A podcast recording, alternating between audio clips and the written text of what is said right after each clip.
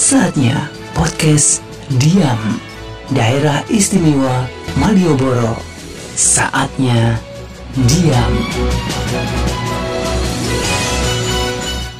Daerah Istimewa Malioboro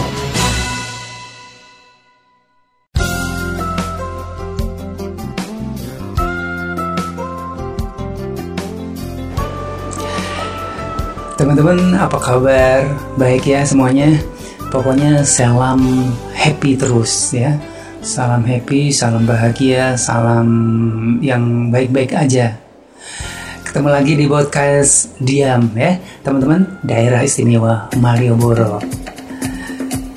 Teman-teman ingat lagu ini?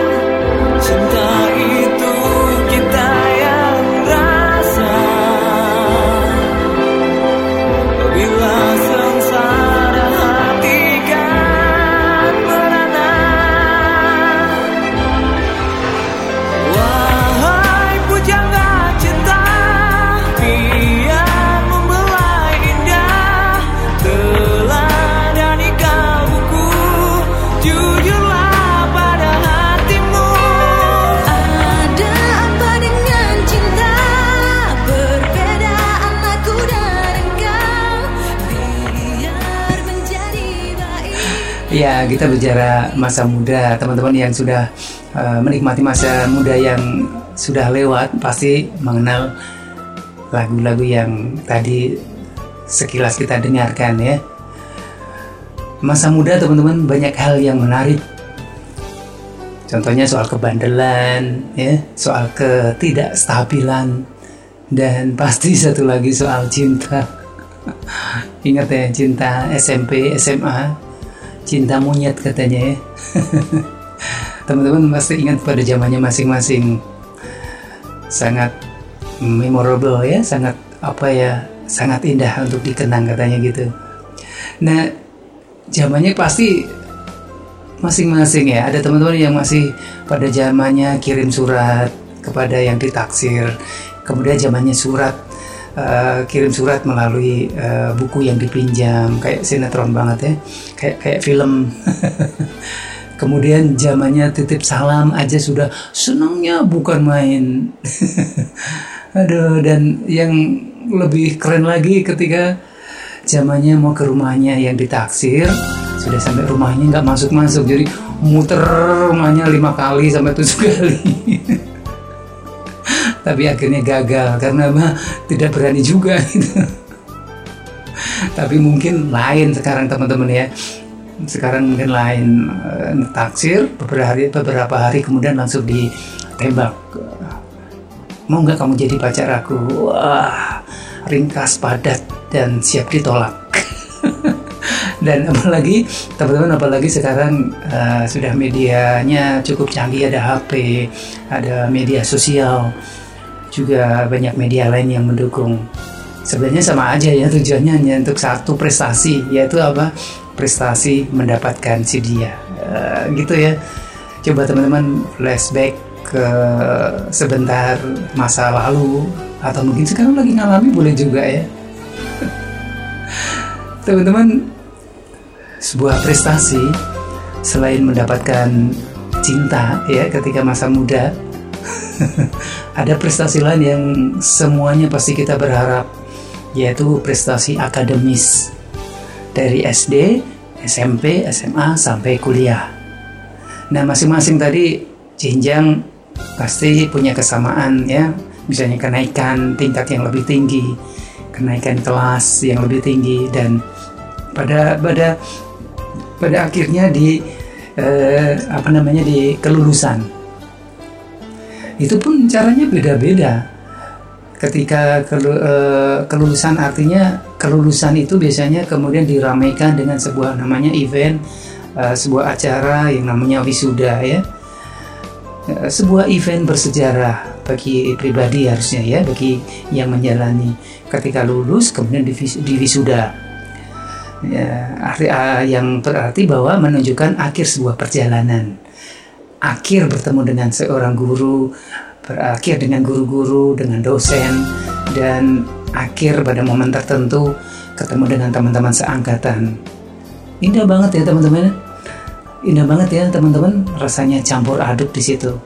Senang bahagia tidak merhatikan nilai kadang-kadang. Yang penting lulus gitu ya. Nah teman-teman ngomong-ngomong soal wisuda sebuah pertanyaan pentingkah jawabannya ya antara penting dan tidak penting begitu pasti ya. Tapi ketika kita bicara manusia pada saat ini normal ya manusia yang eh, suka dibanggakan bahkan kalau negatif suka pamer. Misalnya aku sudah lulus loh. Nah, kalau kita punya orang tua anakku sudah diwisuda loh. Ya kan gitu kan? Itu sebenarnya pamer bangga ya. Nah teman-teman saat ini eh, ini podcast saya buat bulan Mei 2020 ya. Pandemik akademik eh pandemik kok akademik? Pa- pandemik COVID-19 masih belum hilang.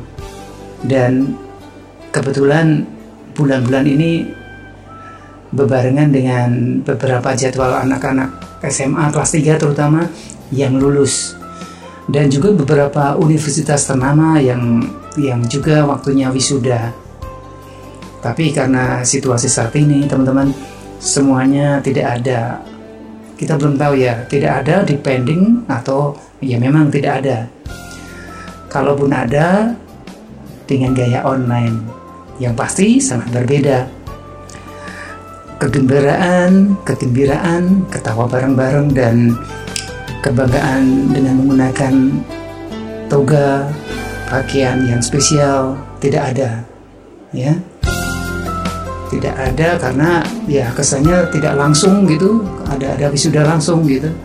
Tapi kalau online masih bisa juga dipaksakan pakai toga, tapi pasti tetap terbatas. Nah, ini juga sebenarnya tidak adanya wisuda ini juga kalau di Indonesia, khususnya di Jogja mungkin ya, atau mungkin di pada umumnya, juga bukan hanya kepada mahasiswanya yang kecewa kok belum ada wisuda, atau mungkin mahasiswanya mungkin lebih logis, tidak penting wisuda. Tapi sebagai orang tua, pasti ada rasa sesuatu yang dibanggakan hilang ya. Karena di mana-mana apalagi seorang ibu tahu kan, ya anakku sudah diwisuda loh. Ada juga sih bapak-bapak, wah anakku sudah wisuda. nah ini ada sebuah cerita, ada sebuah pengalaman yang di- ditulis dalam sebuah Facebook, ya. Ah, seorang ibu yang berkeluh kesah mungkin antara bahagia, sedih, senang, dan campur aduk pokoknya. Anaknya barusan lulus dari kampus ternama di Yogyakarta. Saya baca eh, Facebooknya seorang ibu ini uh, yang kecewa apalagi anaknya lulus cum laude ya tapi kayaknya tidak lengkap karena tidak ada wisuda. Ibu ini mengatakan begini teman-teman, dalam bentuk di- dia bikin semacam kayak puisi ya, gini, sah menjadi alumni. Pagi itu anakku selepas mengantar ibunya bekerja segera menuju kampus. Suasana masih lengang atau memang tidak banyak teman kuliahnya yang bisa balik ke Jogja karena situasi pandemi. Campur aduk suasana hatinya itu sudah aku duga. Mengambil selembar ijazah tanpa seremoni kolosal, menggetarkan, tepuk tangan membahana. Ketika disematkan, samir dengan baju toga kebanggaan lazimnya suasana wisuda. Melewati koridor demi koridor menyesak daun yang terserat. Di depan loket seorang petugas siap menyodorkan sekotak piranti, sekotak piranti ya, atribut wisuda dan selembar ijazah. Layaknya membeli karcis atau mengambil resep obat dari balik loket kaca. Hanya bisa menatap wajah bermasker. Gamang, sepi, syahdu, merana, dan rindu pada teman, dosen, Pak Satpam, serta para bakul makanan di lembah kampus. Rindu yang terserak bersama daun-daun kering yang berjatuhan. Sepenggal keluh kala mengucap syukur. Terima kasih Sang Maha Agung. Perjalanan masih sangatlah berat dan panjang. Semoga Tuhan selalu mengiringi langkahmu juga kawan-kawanmu. Itu teman-teman sekilas cuplikan dalam bentuk puisi seorang ibu yang bahagia tapi sedih. Kurang satu langkah seremonial, simbol yaitu wisuda. Ada sesuatu yang kurang, ya. Tapi sekali lagi manusia pada dasarnya suka dibanggakan. Bahkan kalau kecenderungan negatif suka pamer. Teman-teman, bicara soal wisuda, sebenarnya wisuda itu nyatanya adalah hanya simbol, ya. Uh, Robert Blah pada kutipan bukunya The Power of Symbols, dia menyatakan jelas bahwa kita tidak dapat membedakan kenyataan dari simbolisasinya. Karena it- kita manusia hanya dapat berpikir dengan simbol-simbol, hanya dapat memaknai pengalaman apa pun dengan simbol-simbol. Ya, jadi eh, ternyata memang simbol-simbol itu membantu manusia eh, berpikir lebih jelas, bisa lebih memahami, ya. Lain kalau kita di bentuk abstrak, ya, sesuatu yang tanpa simbol, mungkin manusia justru di situ mungkin keterbatasan manusia. Nah, juga menurut Raymond Firth juga tentang simbol, eh, kata Raymond Raymond mengatakan Raymond mengatakan wisuda menjadi simbol yang berhasil berpusat pada dirinya sendiri. Ya, semangat yang ada tuh menjadi milik realitas tertinggi yang diwakilinya, diambil oleh selebrasi sehari. Ya, jadi realitas itu diambil alih eh, dengan adanya semangatnya eh, apa adanya selebrasi sehari yaitu wisuda. Nah, teman-teman belakangan ini sepertinya wisuda berhasil mereduksi realitas dunia perkuliahan dengan bumbu-bumbunya yang padahal terlampau kompleks. Harus bayar, harus dandan. Ya, itu bedanya Indonesia dengan beberapa negara di barat atau di Asia yang lain. Kalau di negara barat sana, ya, terutama yang wanita, yang uh, perempuan yang tidak tidak ya apa adanya sederhana, tidak perlu pakai uh, sanggul. Tapi itu sekali lagi keistimewaan Indonesia juga ya, sekalian mah mempertahankan budaya sepertinya itu. Pada sisi lain menjadi kompleks. Sudah bayar harus dandan ke salon bangun pagi-pagi, belum ada yang terlambat, dimundur dan dan macam-macam. Di Indonesia wisuda jadinya menjadi kompleks, kadang-kadang seperti itu. Tapi sisi lain sebagai khususnya orang tua itu menjadi kebanggaan. Asik ya teman-teman. Semuanya terpenuhi, semuanya berharap yang baik. Teman-teman, wisuda pada saat ini sebagai simbol telah menjadi sesuatu yang penting dari fakta sesungguhnya, dari ijazah bahkan kadang-kadang, dari perjuangan mahasiswa yang menyelesaikan studinya. bahkan teman-teman itu tadi ya saya, saya sebutkan saya katakan di, di, di, di sebelumnya bikin sering kali bikin realitas menjadi lebih complicated ribet teman-teman wisuda kemudian berkembang menjadi sesuatu yang prestis. Dalam beberapa proba dalam beberapa kasus wisuda jadi urusan keluarga besar. Ya teman-teman bisa melihat atau pernah mengalami oh, wisudawan yang lebih semangat menghadapi keluarganya maksudnya ya keluarganya wisudawan itu lebih bersemangat loh daripada yang di wisuda jadi kayak mau jadi raja gitu loh. Wah, ada apalagi yang kos di Jogja misalnya keluarga besarnya datang. Rombongan keluarga besarnya datang. Rela berbondong-bondong. Eh, kontrak atau kos sementara bangun pagi eh, biaya dari aslinya eh, dari asalnya. Dari udik ke kota ya. Dari dari mana-mana. Yang penting harus mendatangi sudah anak dan juga memesan hotel pa- via aplikasi gadget. Bahkan membuat itinerary keliling kota. Ya begitu saking hebohnya teman-teman ya. Jadi ya kayak raja sehari kadang-kadang eh, berlebihan ya. Lebih lebih eh, lebih heboh keluarganya daripada yang di wisuda. Teman-teman kayaknya sebagian besar kita ya mau tidak mau suka ya dijajah dengan yang namanya simbol. Wisuda sering kali didewa-dewakan. Seolah-olah kehidupan bisa lebih baik karena wisuda loh teman-teman. Padahal itu tadi yang seperti dikatakan ibu-ibunya menyadari padahal kecewa tapi menyadari perjalanan masih ada proses panjang. Apa yang lebih sulit lebih menantang dibanding kuliah bersaing mendapatkan kerja kerjaan yang baik.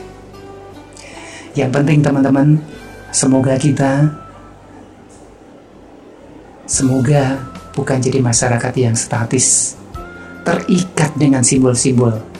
Tidak tergantung pada simbol-simbol tapi tergantung atau bergantung pada nilai-nilai dan refleksi atas realitas.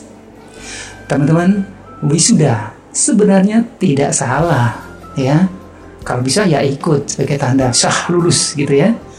Sebagai simbol harus terus hidup dalam masyarakat.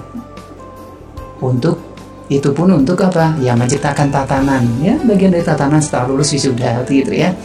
Tapi bukan segalanya. Dan sekarang yang berke, yang berkembang lagi anak-anak TK sudah wisuda jal. Apa yang dibanggakan TK maknanya berubah lagi apa yang namanya wisuda ya. Jadi teman-teman simbol bukan segalanya. Sekali lagi simbol bukan segalanya. Yang lebih penting adalah realitas. Angkatan tahun ini tanpa wisuda tanpa perpisahan langsung tanpa salam-salaman ya. Tapi di angkatan ini kalau saya sebut angkatan muda COVID-19 ini tidak ada simbol ya. Simbolnya real bahwa Anda sudah lulus ya. Wisuda yang secara online mungkin sah juga tapi setengah sah kali ya. Tapi sekali lagi sudah langsung ke realita. Anda sudah lulus langsung diberikan ijazah. Kecewa teman-teman? Rasa teman-teman rasa kecewa. Tidak usah kecewa. Simple saja. Yang penting sudah lulus secara sah. Cari simbol-simbol lainnya yang segera harus dicari. Lebih menantang. Simbolnya apa? Nafkah. Nafkah itu apa? Uang. Uang itu dari mana? Cari kerja. Itu lebih dari sekedar simbol. Gitu teman-teman? Jadi siap ya kalau suatu saat ditanya oleh seseorang kapan kalian wisuda isi skripsi rampung-rampung cepat selesaikan. Ya wis ya. Janji setia setia abadi